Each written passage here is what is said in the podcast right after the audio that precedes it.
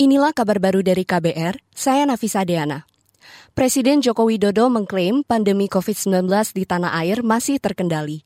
Jokowi mengatakan kasus di Indonesia masih di bawah standar yang ditetapkan Organisasi Kesehatan Dunia atau WHO.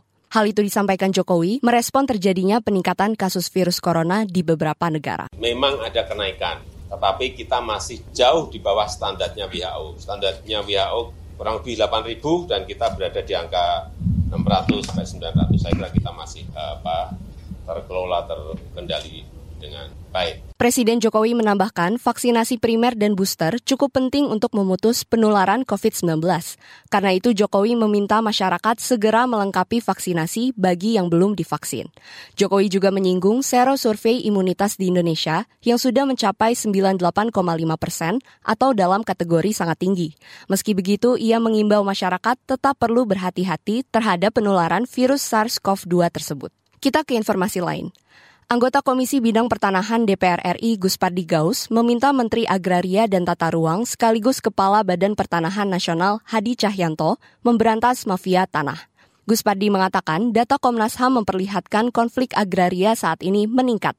Gus Pardi menyebut mayoritas konflik dipicu maraknya lahan yang dijadikan bisnis ilegal. Kita minta dari Komisi 2 kepada Menteri PPNATR untuk melakukan perperangan terhadap hal berkaitan terhadap konflik agraria itu. Apakah namanya mafia tanah, sengketa tanah, dan lain sebagainya. Anggota Komisi Bidang Pertanahan di DPR RI Gus Pardi Gaus menambahkan, konflik agraria mesti lekas diselesaikan pemerintah. Ia juga menilai tim reforma dan gugus tugas reforma agraria yang dibentuk sejak 2018 belum bekerja efektif. Gus Pardi meminta keberadaan tim tersebut dievaluasi pemerintah. Sebelumnya Komnas HAM mencatat konflik agraria masih mendominasi kasus laporan pelanggaran HAM di tahun lalu.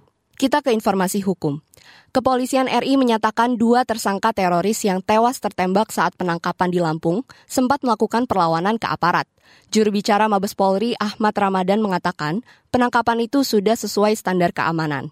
Dua tersangka teroris itu berinisial NG alias BA, alias SA, dan ZK. Dilakukan tindakan tegas dan terukur yang mengakibatkan dua tersangka tindak pidana terorisme meninggal dunia dan empat tersangka lainnya ditangkap. Juru bicara Mabes Polri Ahmad Ramadan menambahkan, empat tersangka lain yang berhasil diringkus berinisial PA alias JA, lalu H, AM, dan KI alias AS. Sebelumnya juru bicara Densus 88 Polri Aswin Siregar mengatakan salah seorang tersangka yang tewas tertembak merupakan pemimpin dari kelompok teroris tersebut dan telah menyandang status DPO sejak 2016. Densus melakukan penangkapan teroris yang diduga jaringan Jamaah Islamiyah atau JI di wilayah Mesuji dan Pringsewu, Lampung.